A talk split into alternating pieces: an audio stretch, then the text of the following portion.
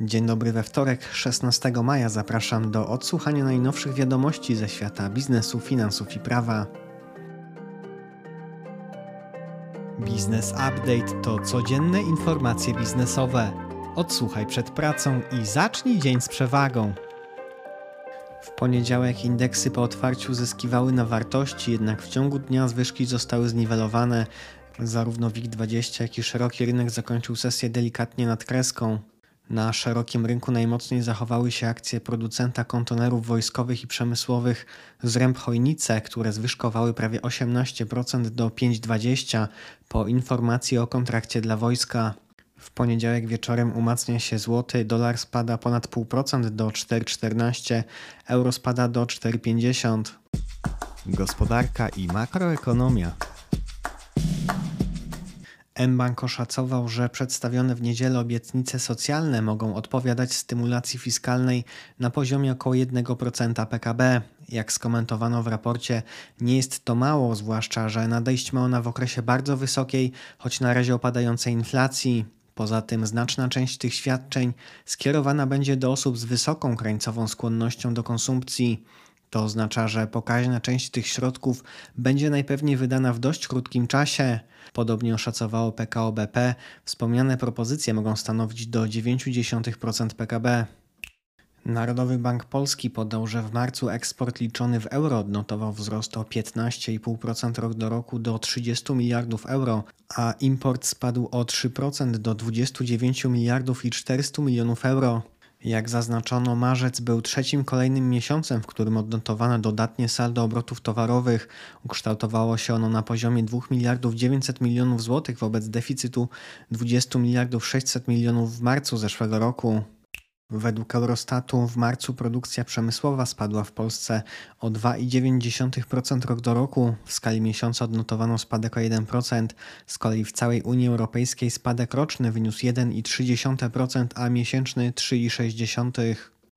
Wiadomości z Unii Europejskiej w lutym tego roku włoski eksport do Chin wyniósł ponad 3 miliardy euro, o 137% więcej niż miesiąc wcześniej.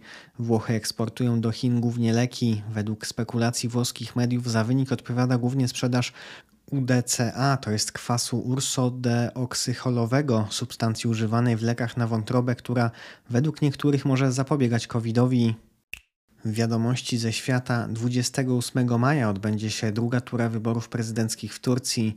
W wyniku niedzielnego głosowania obecny prezydent kraju Recep Erdogan zdobył nieco ponad 49,5% głosów. Jego konkurent, ekonomista i urzędnik państwowy Kemal Kilicdaroglu uzyskał niecałe 45% poparcia. Ożywienie w Chinach podnosi sprzedaż firm amerykańskich, ponieważ krajowi konsumenci ograniczają wydatki. Z kolei inflacja konsumencka w Chinach spowalnia do najniższego poziomu od dwóch lat i wynosi 0,1% rok do roku w kwietniu. W marcu było to 0,7%. Argentyński Bank Centralny podniósł stopę referencyjną o 600 punktów bazowych do 97%. Inflacja w tym kraju jest najwyższa od 30 lat i wyniosła w kwietniu 108% w skali roku i 8,4% w skali miesiąca. Ubóstwem dotkniętych jest aż 40% Argentyńczyków, czyli 18,5 miliona osób. Informacje biznesowe.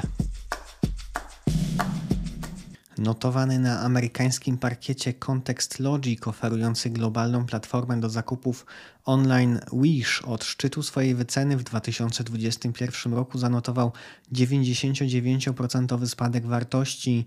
W szczytowym momencie serwis, którego założycielem jest Piotr Szulczewski, obsługiwał 100 milionów klientów, obecnie obsługuje jedynie 14 milionów. Kontekst Logic odnotował stratę netto w ciągu ostatnich dwóch lat wynoszącą 750 milionów dolarów. CD Projekt zwolnił 29 pracowników pracujących przy projekcie Sirius z 60 osób za niego odpowiedzialnych. Na koniec zeszłego roku w spółce pracowały 1292 osoby. Velobank uruchamia platformę e-commerce poświęconą ekoproduktom Velomarket. Do końca bieżącego roku spółka planuje mieć w ofercie serwisu ponad 100 tysięcy produktów. Castorama, kojarzona w Polsce z marketami wielkopowierzchniowymi branży DIY, planuje rozszerzyć ekspansję o mniejsze kompaktowe sklepy i w ciągu najbliższych pięciu lat chce otworzyć ich blisko 80. W ostatnim roku obrotowym sieć zanotowała w Polsce przychody w wysokości 9,5 miliarda złotych, co odpowiada za 13% sprzedaży całej marki globalnie i stanowi dla niej trzeci największy rynek.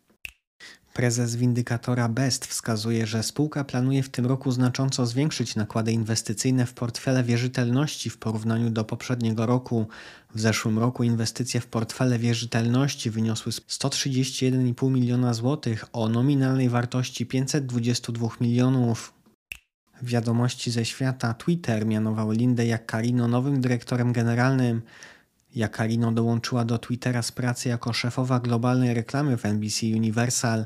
Będzie ściśle współpracowała z Maskiem, który będzie zarówno dyrektorem do spraw technologii, jak i prezesem wykonawczym.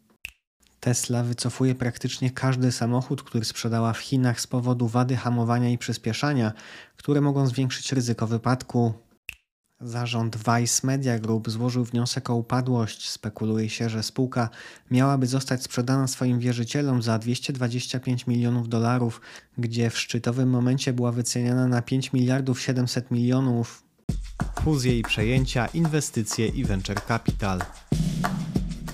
Tryb Eco, spółka produkująca rowery, hulajnogi, skutery i mikrosamochody o napędzie elektrycznym, zamierza przeprowadzić rundę finansowania, w ramach której pozyska między 7 a 8 milionów złotych. Należąca do grupy Assay spółka planuje przeprowadzić rundę finansowania w drugim lub trzecim kwartale tego roku, a środki z niej pozyskane pozwolą na zwiększanie sprzedaży do 10 tysięcy rowerów elektrycznych rocznie w przeciągu 2 do 3 lat. Rezi Capital należący do Cavatina Group zebrał 43 miliony euro finansowania od Regera, będącego częścią grupy Fidera, które przeznaczy na dalszą realizację projektów Quorum i Global Apartments. Zlokalizowany we Wrocławiu projekt kompleksu Quorum posiadał będzie 340 mieszkań oraz przestrzenie biurowe i usługowe, a zlokalizowany w Katowicach Global Apartments, którego realizacja przewidywana jest na początek przyszłego roku, oferował będzie głównie kawalerki o metrażu od 25 do 70 m2. Ukraiński Kernel Holding działający w sektorze spożywczym złożył do KNF wniosek o wycofanie wszystkich akcji z obrotu na GPW. Namsen, główny udziałowiec zarejestrowany w Luksemburgu spółki, wcześniej nabywał akcje w trakcie wezwania, co zaowocowało zgromadzeniem przez niego 75% udziałów. Kapitalizacja spółki na warszawskiej giełdzie wynosi miliard 462 miliony złotych.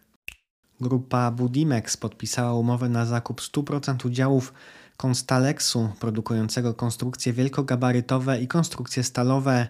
Dzięki transakcji moce produkcyjne Budimexu zwiększają się do 17 tysięcy ton konstrukcji stalowych rocznie. Wiadomości z Unii Europejskiej. Tajwański producent akumulatorów Prologium zainwestuje do 2030 roku niecałe 6 miliardów dolarów w nową gigafabrykę we francuskiej Dunkierce i zadebiutuje na giełdzie, aby sfinansować swoją ekspansję. Unijne organy nadzoru antymonopolowego przedłużają decyzję w sprawie umowy przejęcia VMware przez Broadcom o wartości 61 miliardów dolarów do 26 czerwca. Wiadomości ze świata Austin Russell, 28-letni potentat technologii motoryzacyjnej, nabył 82% udziałów w Forbesie w transakcji, która wyceniła firmę na około 800 milionów dolarów. Prawo i podatki.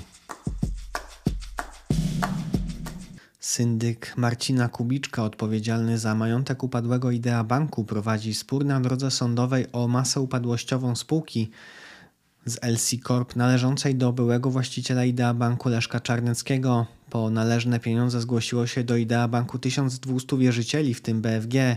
Całkowita kwota roszczeń wynosi 640 milionów złotych. Sąd rejonowy w Tczewie orzekł, że pomimo możliwości uzgodnienia przez strony wysokości zadatku, nie może być to kwota całkowicie dowolna, np. przewyższająca wartość świadczenia głównego.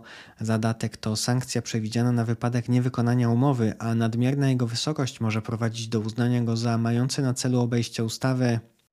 Senacka Komisja Praw Człowieka, Praworządności i Petycji, bazując na stanowisku Ministerstwa Finansów, odrzuciła petycję w sprawie przyznania prawnikom prawa do zwolnienia podmiotowego z VAT.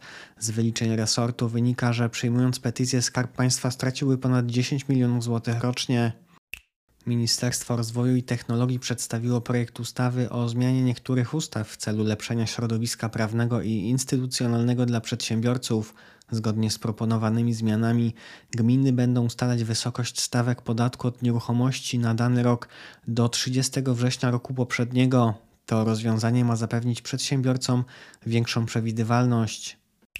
Dyrektor Krajowej Informacji Skarbowej poinformował, że przedsiębiorca oferujący szkolenia przyszłym pracownikom nie musi potrącać zaliczki na podatek, jednak w rocznym PIT-11 powinien wykazać przychód z tzw. Tak innych źródeł. Jeśli natomiast szkolenie przechodzą sami przedsiębiorcy, to na bieżąco muszą rozliczyć się ze Skarbem Państwa. Stanowisko to potwierdził WSA w Olsztynie. Szef Krajowej Administracji Skarbowej poinformował, że zakup reklamy na portalu społecznościowym może zostać uznany za koszt podatkowy, nawet w przypadku, gdy na fakturze brakuje daty jej wystawienia. Za dokument potwierdzający koszt nie może jednak zostać uznany zbiorczy raport rozliczenia. Tym samym w zakresie faktur częściowo zmieniona została interpretacja dyrektora KIS z 2019 roku. Naczelny Sąd Administracyjny orzekł, że płatnik, który rozlicza specjalny 70% podatek dochodowy od odszkodowania przyznanego byłemu pracownikowi na bazie przepisów o zakazie konkurencji, powinien również uwzględnić wypłaconą mu nagrodę jubileuszową.